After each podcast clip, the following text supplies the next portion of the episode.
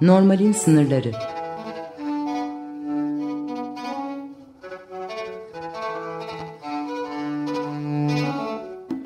Klinik felsefe sohbetleri.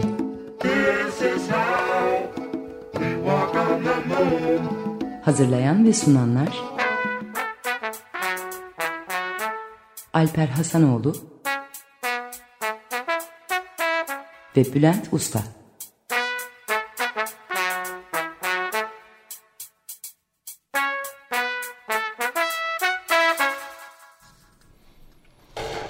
E, merhaba ben Alper Hasanoğlu. Normalin Sınırları programına hoş geldiniz. E, merhaba. Herhalde. Merhaba. Bülent, Bülent Usta da yanımda. E, bugün e, ben başlamak istiyorum e, e, konuşmaya. Sonra Bülent'e e, sözü şey yapacağım, devri vereceğim. E, Bülent biraz evvel şey söylüyordu. Bir e, yaz, yayınlayacağımız şarkılardan bir tanesi için e, bir şarkı arıyormuş. O şarkıda e, insanın aşık olduğunda yürüyüşü bile evet. değişiyor e, diyordu. E, hakikaten de e, büyük ihtimalle o şekilde oluyor. Ama galiba aslında daha çok erkeklerin e, bir şeyleri değişiyor. Ben e, e, bana gelen terapilerde e, aşık olduğu için e, kadınların herhangi bir şeylerinin değiştiğini görmedim ama erkekler saç şekillerinden, sakallarından kıyafetlerine kadar her şeyi değiştiriyorlar. E, bu da e, aslında kadının e, müdahale e, erkeğe o şekilde müdahale etmek e, etmesi ve erkeğin de buna izin vermesiyle ilgili bir şey ama herhangi bir şey ifade etmiyor çoğunlukla böyle oluyor yalnızca. Şimdi e, e, aşkın işaretleri e, var mıdır diyebiliriz belki e, burada. Ben e, normal ve anormale e, gitmeden önce ama bu hani işte insanın yürüyüşünün değişmesi gibi e, bir yerden girince bir Arap Arap filozof ve şair İbn Hazm şöyle diyor. Güvercin Gerdanlı adlı bir eserinde aşkın işaretlerini şöyle sıralıyor Bülent. e, aşkın zeki ve kurnaz insanların kolayca keşfedebileceği kesin işaretleri vardır. Bunların en başta geleni aşığın durmadan sevdiği kişiye bakmasıdır. Gözün ruhu, göz ruhun kapısıdır. Başka bir işarette sevilenin söylediklerinin ne anlatırsa anlatsın pür dikkat dinlenmesidir. Anlattıkları inanılmaz ve mümkünsüz de olsa şaşırılmasıdır. Sözleri yalan da olsa onaylanmasıdır. Kötü bir şey de yapsa kabul edilmesidir. Haksızlık da yapsa onun tarafında olmaktır söylediklerinin ve söyleyiş tarzının taklit edilmesidir. Sevgilinin olduğu yere gitmekte acele etmektir. Oturduğu masada yanında yanına oturmaya çalışmaktır. Ondan ayrı düşünmemize neden oluyorsa en önemli işlerin bile önemini kaybetmesidir. Hayatımızdaki normalin, e, normallerin bu kadar değiştiği başka hiçbir şey olamaz herhalde. Evet, bütün bu işaretler sanırım böyle bizim e, idealizasyon dediğimiz şeyi gösteriyor galiba Alper bizim yani. Evet. Evet. Hatta biraz böyle e, değiniriz bugün programda. İlkel idealizasyon dediğimiz şey. Bütünüyle iyi. Evet Her bütünüyle şeyle. iyi. Ve Cemal Süreya da tam burada böyle şöyle bir şey söylüyor. Ee, bütünüyle iyi olmanın dışında her şeyi her şeyi ona benzetmekle ilgili bir şey. Hızla geçen otobüslerin ardında benzeşmek. Keşke yalnız bunun için sevseydim seni diyor. Yani böyle otobüsler geliyor geçiyor. Orada bir silüet görüyor ve silüet bile sevgilisine benziyor. Ki Cemal Süreya zaten e, en önemli değil mi? Aşk üzerine şairlerimiz, aşk üzerine şiirler yazmış. En ünlü şairlerimizden birisi. Onunla ilgili bir Cemal Süreya e, sözü geçmişken e, bir belgesel izlemiştim. Türkiye Yazarlar Sendikası'nın düzenlediği bir etkinlikte. Orada şöyle bir şey diyordu. Cemal Süreya hep şefkati aradı kadınlarda. E, ve e, aslında o şefkati arama şeyinin de annesini işte küçük yaşta kaybetmesiyle ilgisi olduğunu ki e, söylüyordu o belgeselde. e, ve burada sanırım böyle onlara da zaten değiniyor olacağız. Şefkat, ilgi. Evet. Evet. evet. Doğan Hızlan'la e, YouTube'da Doğan Hızlan'la Cemal Süreyya'nın bir e, videolarını izledim. E, Doğan Hızlan edebiyatımızın böyle köşe taşlarından çok önemli bir insan. Herkes tanıyordur onu bir şekilde biliyordur. Cemal Süreyya'yı böyle öve öve bitiremiyor. Şu ödülü almış, bu ödülü almış, şunları yapmış, bunları etmiş falan da filan da.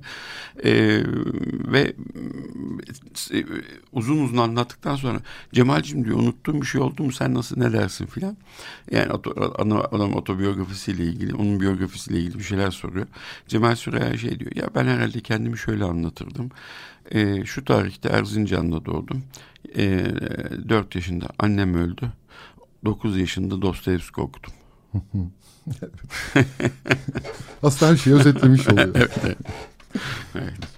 Sen idealizasyondan bahsetmek ister misin? Ben e, ona geçmeden önce yoksa bir, bir çok acayip bir e, e, bir New Yorklu e, science fiction yazarının hmm. garip bir kitabından çok kısa bir özet bir ben bölüm böyle, yapayım. Ona geçmeden evvel bugün böyle aslında aşk gibi bir şey oldu hı hı. ve bir klip çıktı. Ha, evet.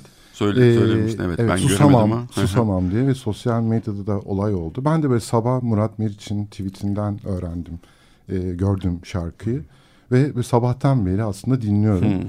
Ve oradaki e, yani mü, rap müziğiyle aslında o kadar ben çok yakın değilim ve o şarkı bu klip sayesinde e, böyle rap müziğiyle de tanışmış oldum ve orada da mesela ama biraz geç kalmışsın ya rap'te evet, tanışmak. Yani işte çok eskiden biraz dinlemiştiğim olsa da e, bugünün mesela önemli e, şeylerinden birisiydi. Evet şimdi sen söyledin ben de hiç bugün gün bakma şansım evet. olmadı.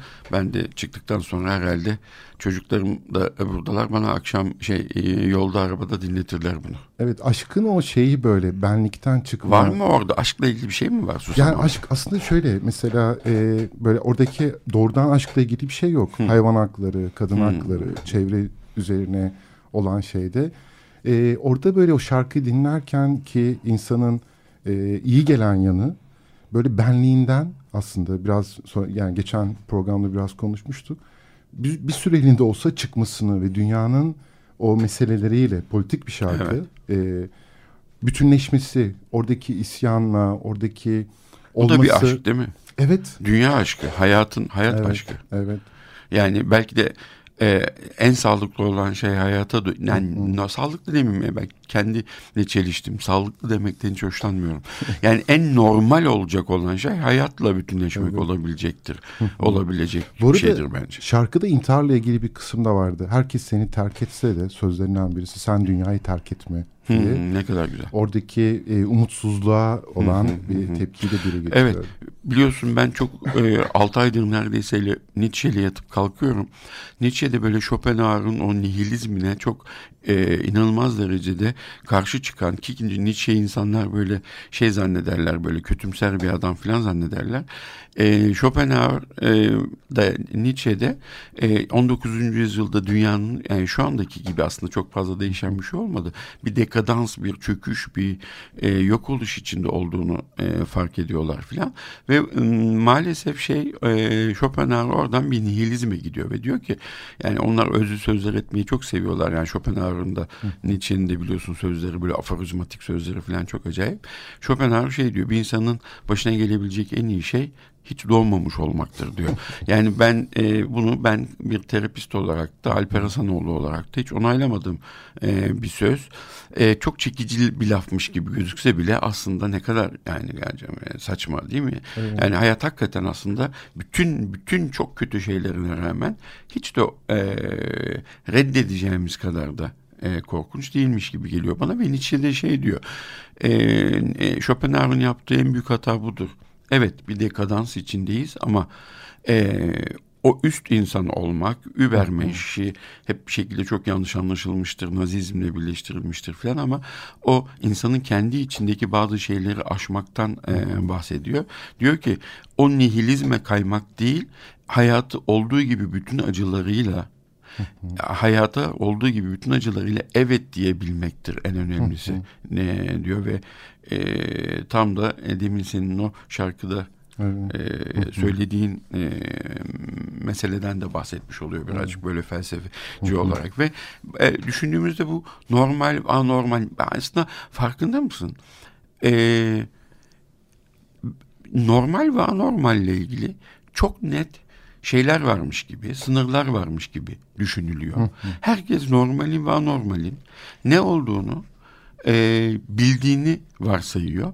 Ama e, ben özellikle bu programı böyle yapmaya başladıktan sonra normal ve anormalle ilgili olarak insanların yap, yapıp, yapıp ettiklerini, söylediklerine filan dikkat edince bir sürü insan aynı cümlenin içinde birbirleriyle çelişen normallik ve anormallikler den bahsedebiliyorlar. Yani hiç kimse aslında normalin ve anormalin ne olduğunu çok da bilemiyor. Çünkü aslında normal aslında hani e, duruma, e, içinde bulunduğumuz kültüre, cinsiyetimize, e, zamana, yaşanan ilişkiye ya da yaşanan şeylere göre de e, değerlendirilmesi ve değişmesi ve esnek olması gereken bir şey.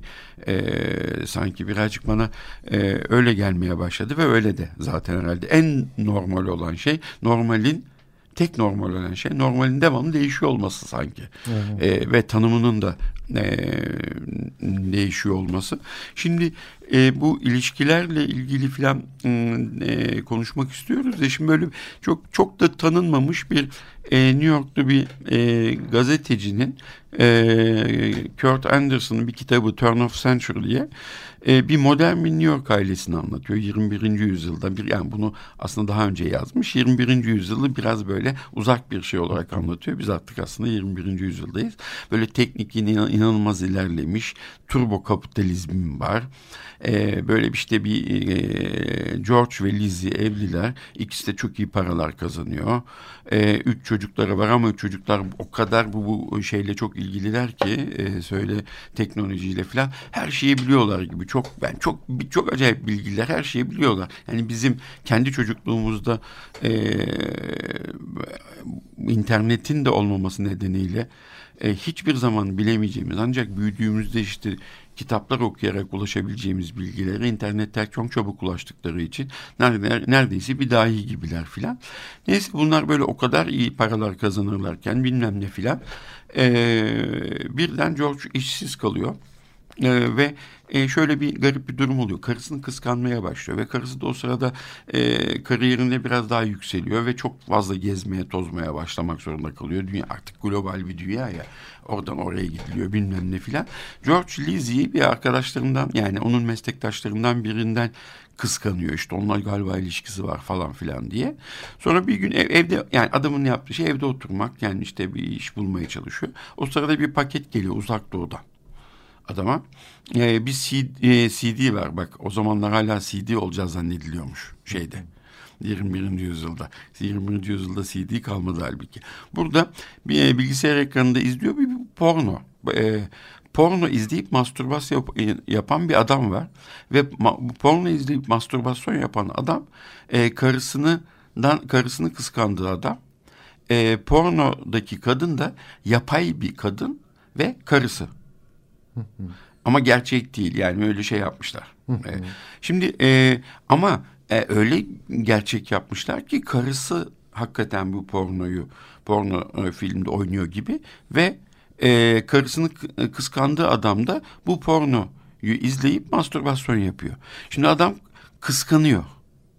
Sonra kıskandığı için kendine gülüyor, kızıyor, şaşırıyor, ne yapacağını bilemiyor. Yani şimdi burada normal mi kıskanması, normal değil mi, ne olduğunu bilemiyor ama yani gerçekten benim de cevap verebileceğim bir şey değil. Yani enteresan bir e, şey yapmış e, bu gazeteci ve olabilecek olan bir şey.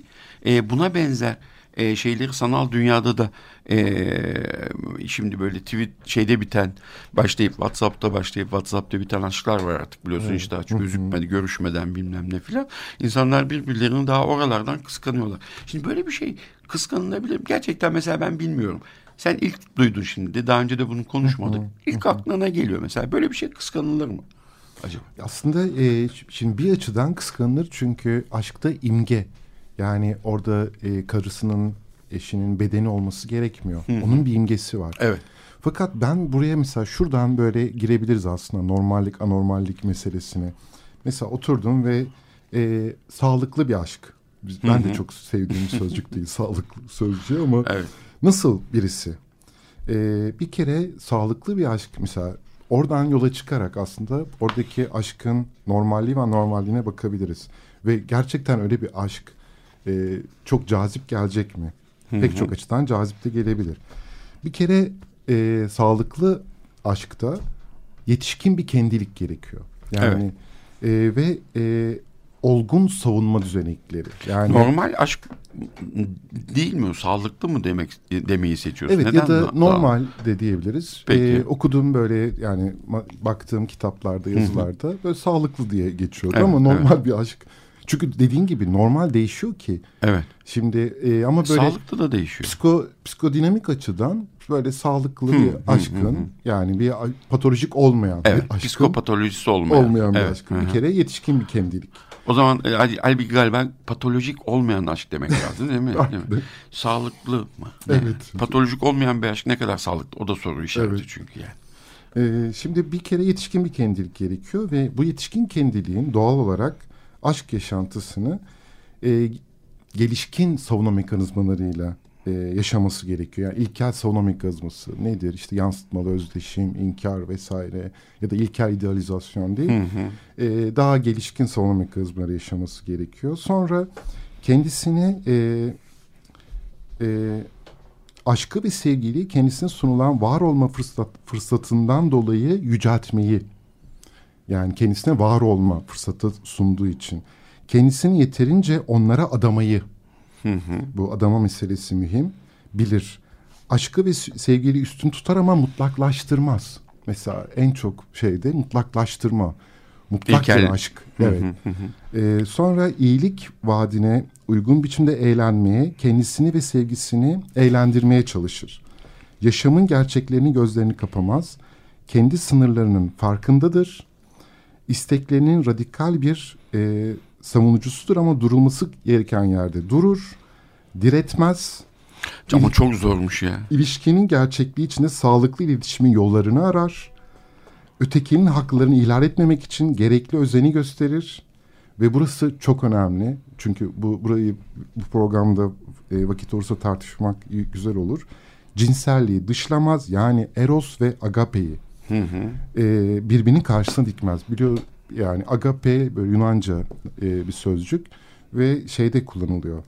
Cinsellikten arınmış bir aşk. Biraz daha yüce bir aşk. Yüce bir aşk. Evet. E, ve bunu mesela ergenlerde çok sık rastlıyoruz. Böyle aşık olduğu kız, kıza karşı ya da erkeğe Hı-hı. karşı cinsel barzu besleyemiyor. Çünkü Hı-hı. orada daha...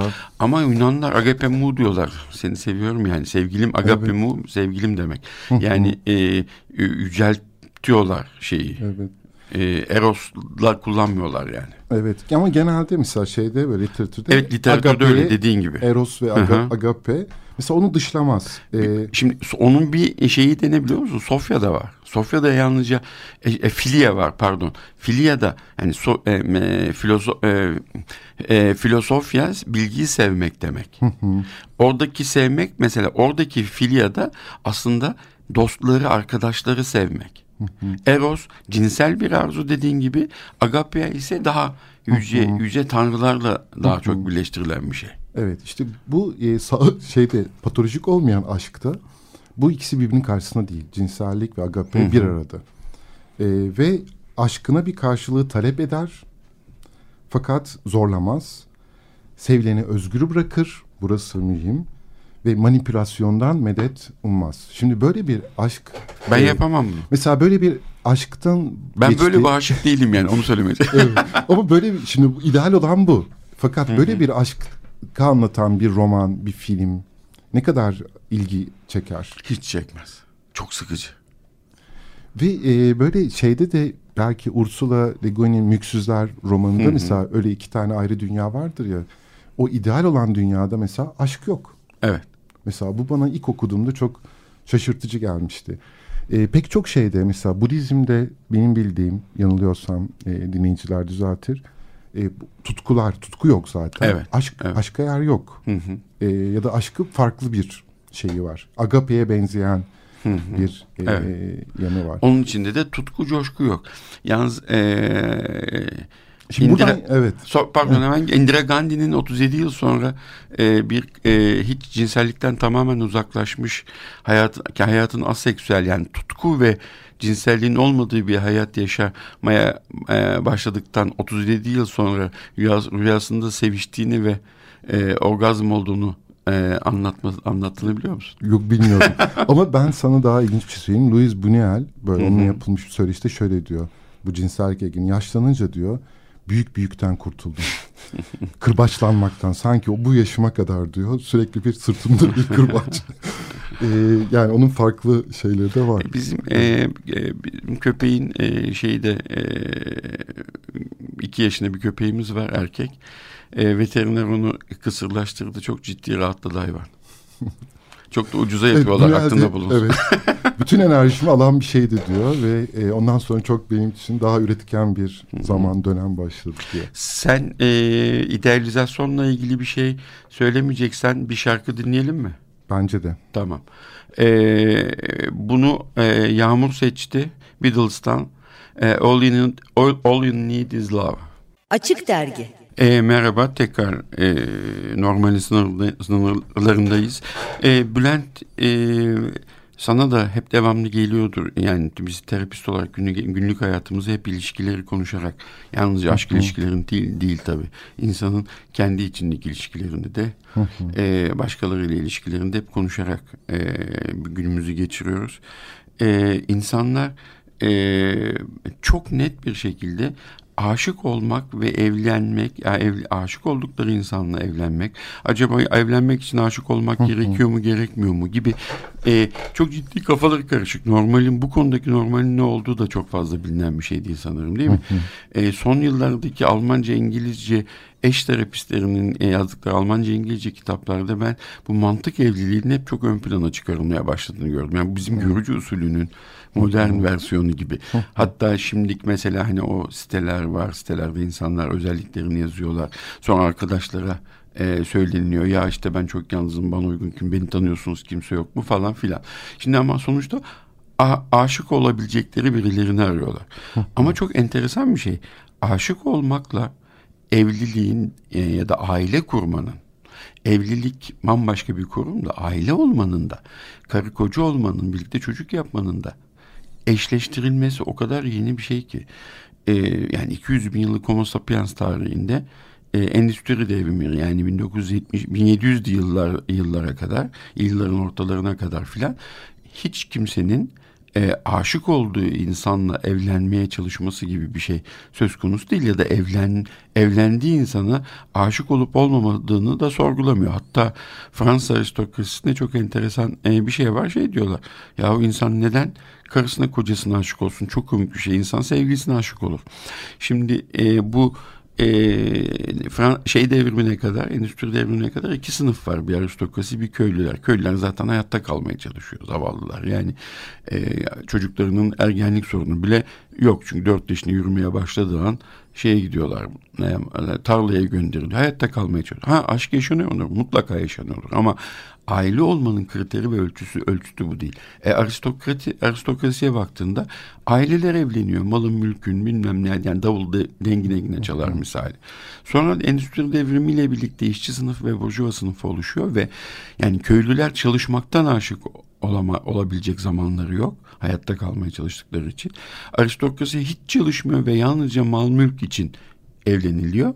Şimdi e, burjuva ve işçi sınıfı ile birlikte çekirdek aile oluşmaya başlıyor ve insanlar geniş ve büyük aileden e, uzaklaşıp oturdukları doğdukları yerlerden çalışabilecekleri başka yerlere gitmeye başlıyorlar ve e, çok yalnızlaşıyorlar ve e, evlilik e, meselesinde insanlar aşkla evliliği bir araya getirmedikleri için insanlar kadınlar ve erkekler de evin dışındaki birileriyle bir aşk yaşıyor ve şimdi günde 10 saat 14 saat çalıştığını düşün e, bir şeyin işçinin.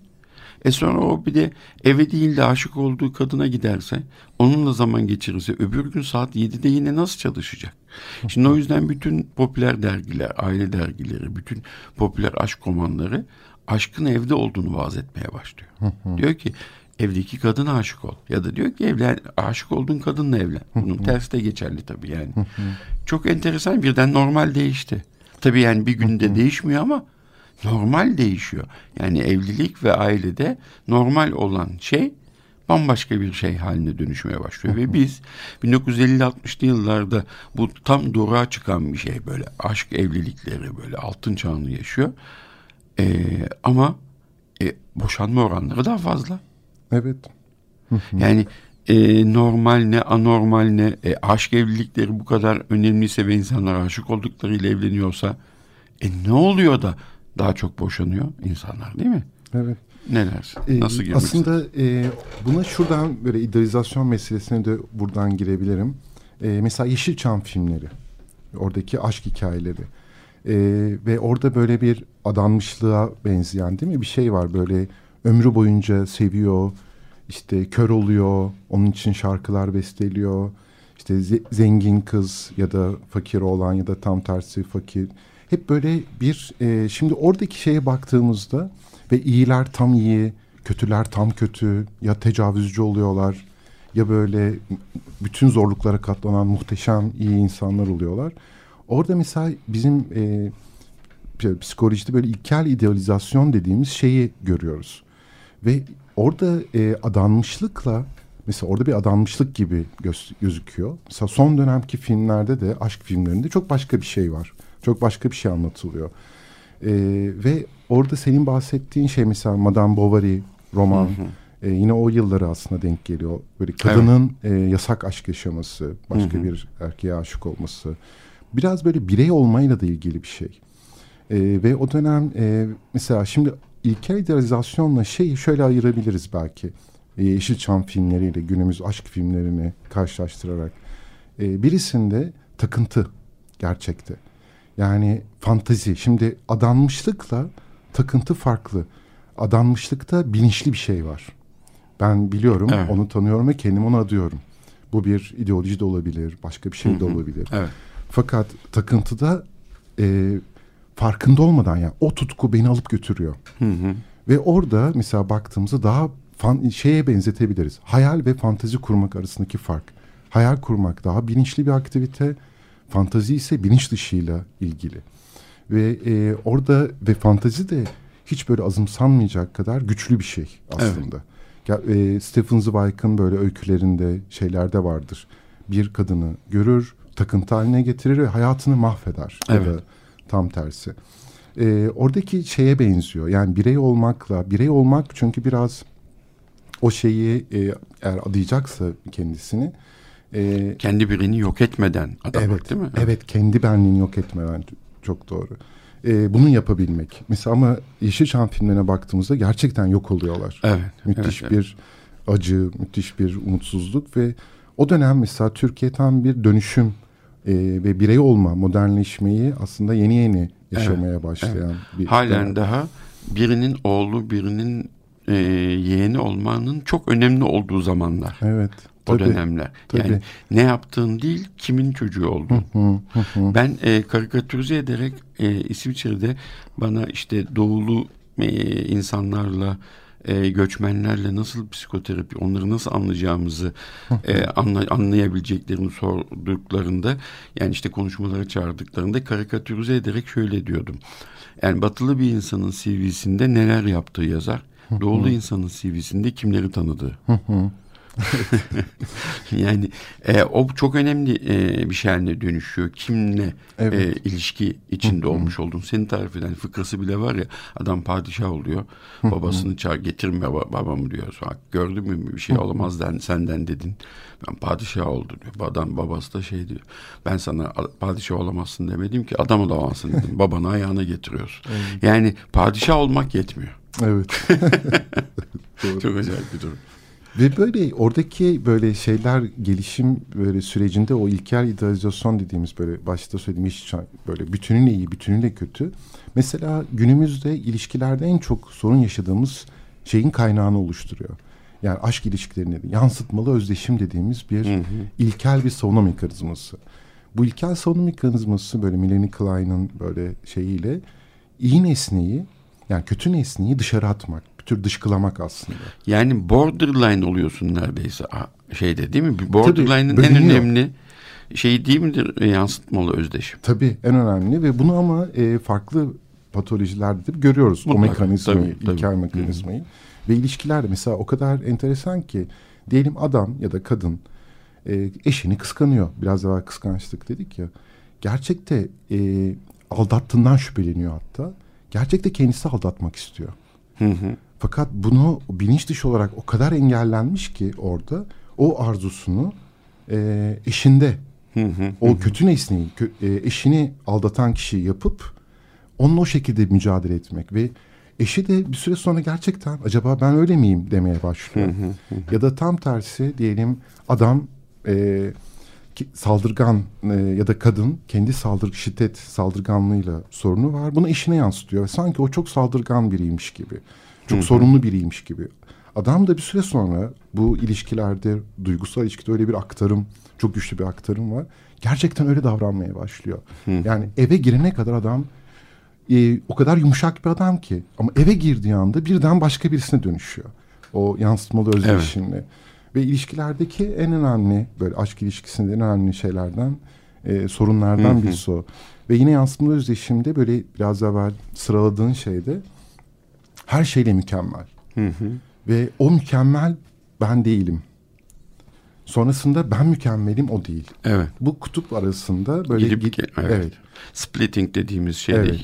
Biraz evvel söylediğin şey benim bir e, danışanımla e, hastamda hastamın anlattığı bir şeye çok benziyor. E, kendisinin e, fark et kendisindeki psikopatolojiyi tabii ki tanımıyor, tanımıyor ama e, bunu seziyor kendisi gibi insan olan kendisine benzeyen insanları ve birlikte olduğu erkeğe kendisi gibi olan kadınların etraflarındaki kadınların tamamının aşık olduğu adama aşık olduğunu da düşünüyor ve sevgilisinin de onlarla birlikte olacağından şüpheleniyor. Evet. Halbuki hiç böyle bir durum yok. Evet. Bunu böyle şey yapanlar da var. Kendisine mesela ünlü insanların aşık olduğunu düşünen. Evet. Evet. Bunu eratom, Erot- erotomani. Hı hı hı. denilen şeye değil mi? Oradaki Evet, şeye evet, benziyor. evet, biraz. evet. Oradaki, orada tabii narsistik bir şey de e, devreye giriyor sanırım. Öyle değil mi? Evet. Şimdi bu sadakatsizlik ve aldatma meselesi. Ben onu birazcık böyle birbirinden ayrı düşünüyorum. Aldatmak ve sadakatsizliği. Şimdi e, yani e, mesela birisi birisiyle yani bir ilişkisi var ve başka biriyle bir gece bir şey oldu. istemediği halde aslında böyle niyeti yok. Yani öyle bir bir şeyler oldu ki yakınlaşıldı, sıcak e, bir ortam oldu.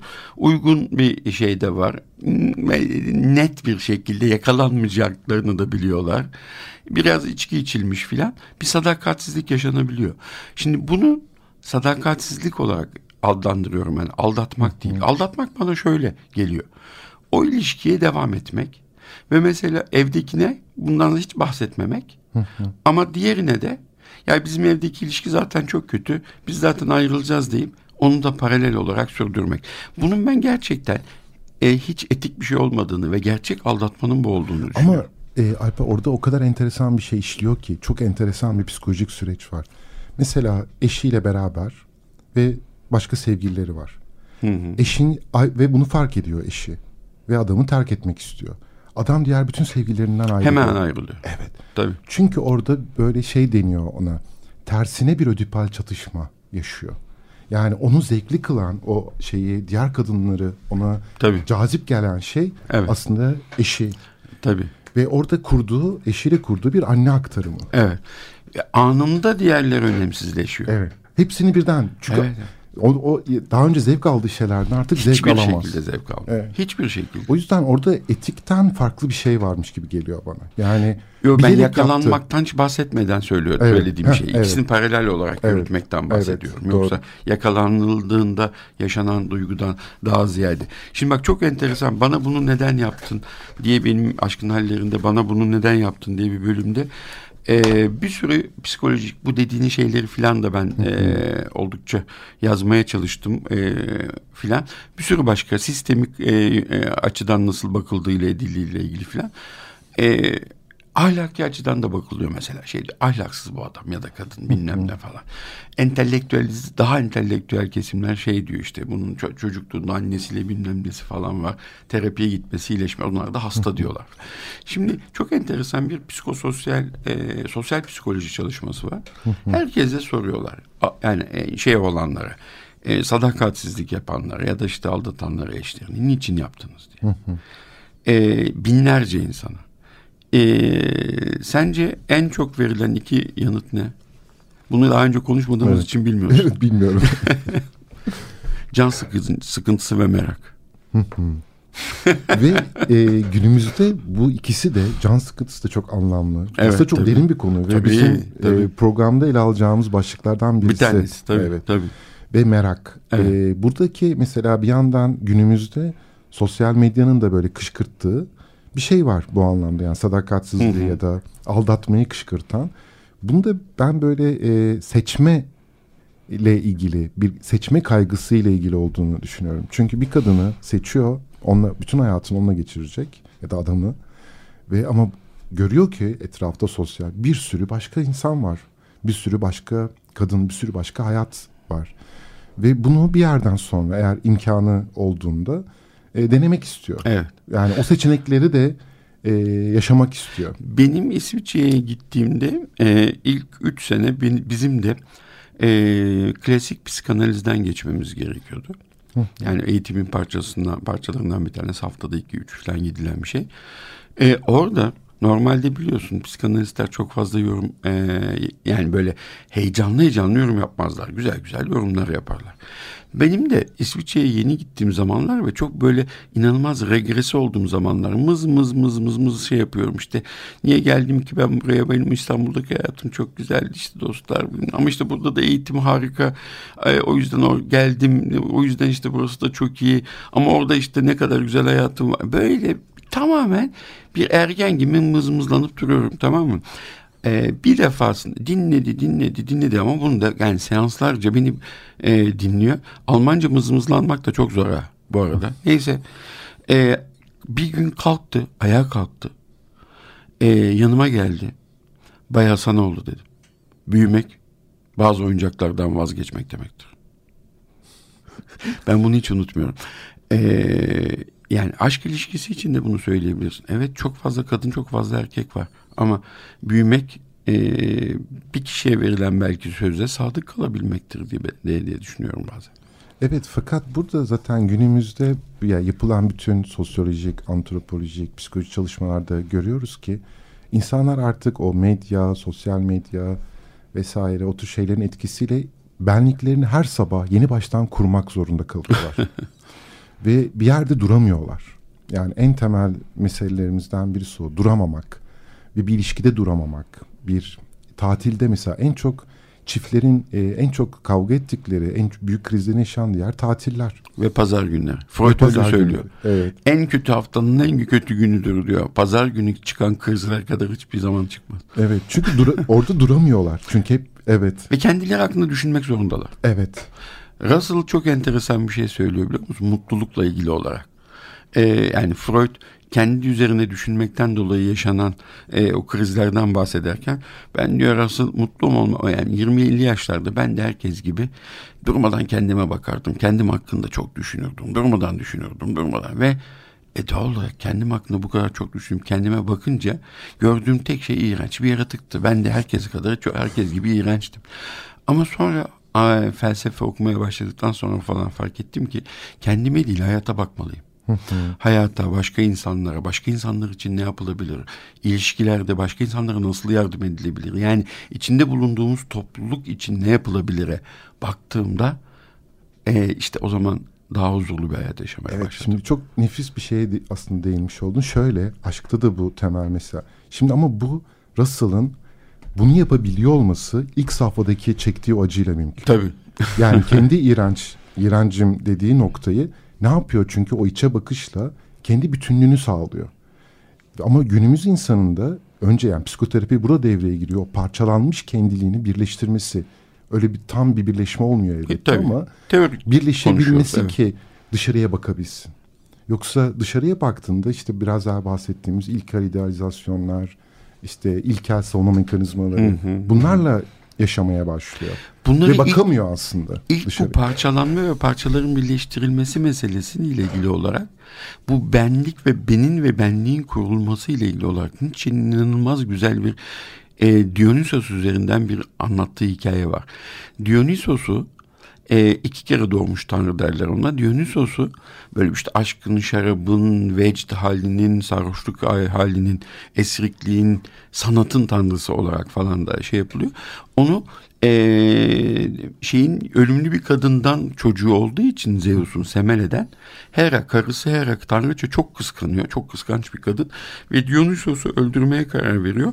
Büyük dev şeyler var, titanlar var, dev e, tanrılar e, ve Titanlara parçalattırıyor, paramparça ettiriyor şeyi e, Dionysos'u. ve o paramparça olan e, Dionysos'u daha sonra Rhea e, yani e, büyük annelerden bir tanesi Zeus'tan e, daha büyük olan an, büyük derken yaşça büyük olan e, tanrılardan bir tanesi Dionysos'un tekrar e, parçalarını tek tek bütün organlarını bir araya getirip birleştiriyor ve çok acı çeken Dionysos tekrar bir araya getiriyor ve e, ve Nietzsche'nin dediği şey o. E, o parçalanmışlığın tekrar bir araya getirilmesinden bir birey ortaya çıkıyor diyor. Evet. Evet kesinlikle. Ee, yani bunu daha sanatçı ve mitolojik olarak Freud şey diyor ya aslında galiba Nietzsche'yi düşünerek söylüyor onu hep. Yani o sanatçıların öylesine uğradığı yerlere şairlerin bizler çok büyük uğraşlar sonucunda. Tabii ki yani Nietzsche'nin çok acı çektiği için kendisi de o da yani hiç öylesine uğramış filan değil ama ne kadar güzel değil mi?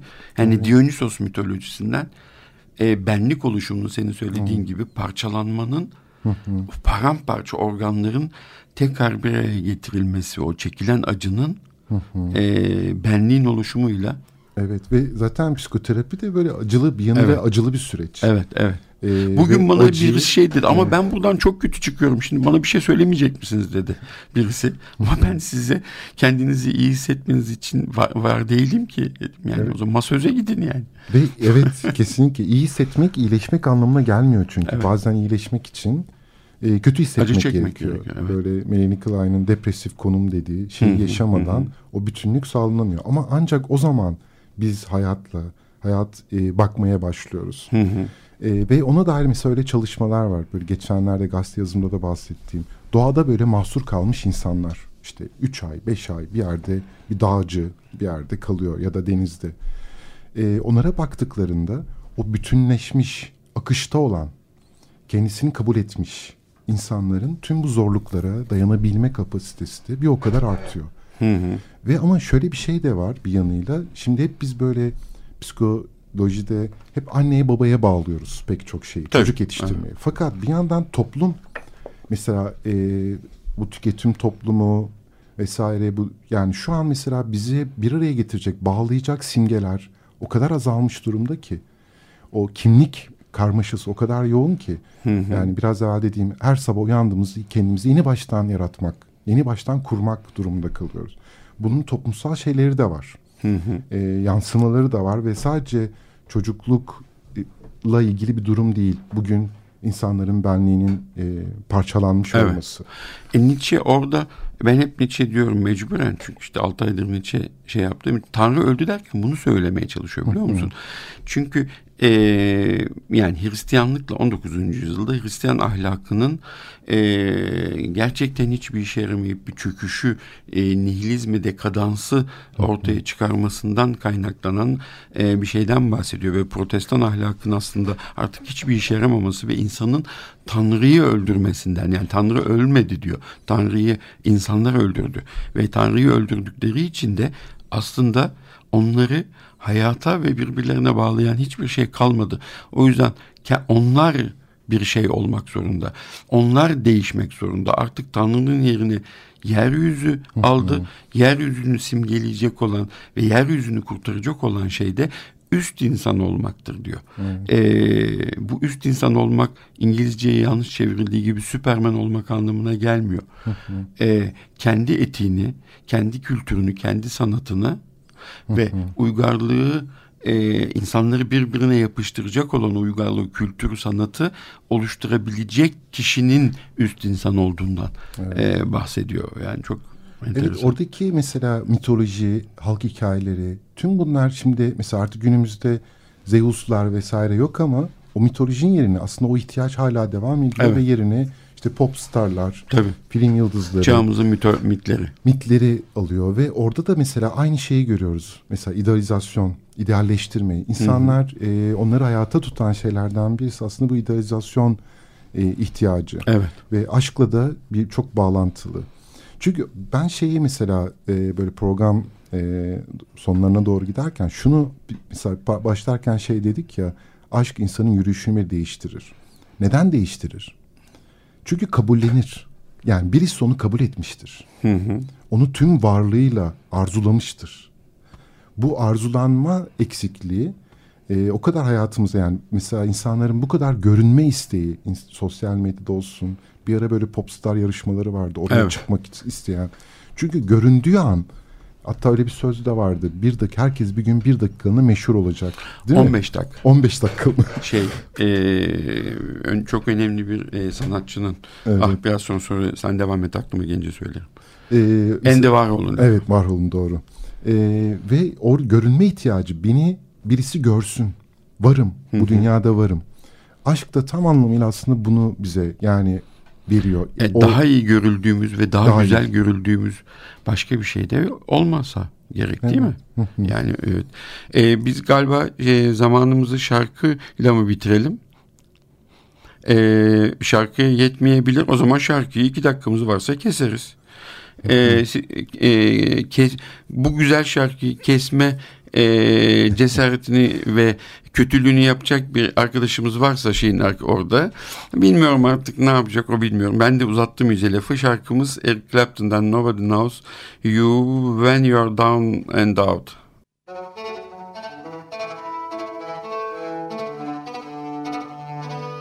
Normalin sınırları.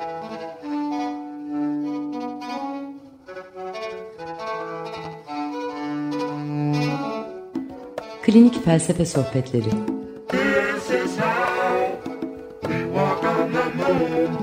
Hazırlayan ve sunanlar Alper Hasanoğlu ve Bülent Usta.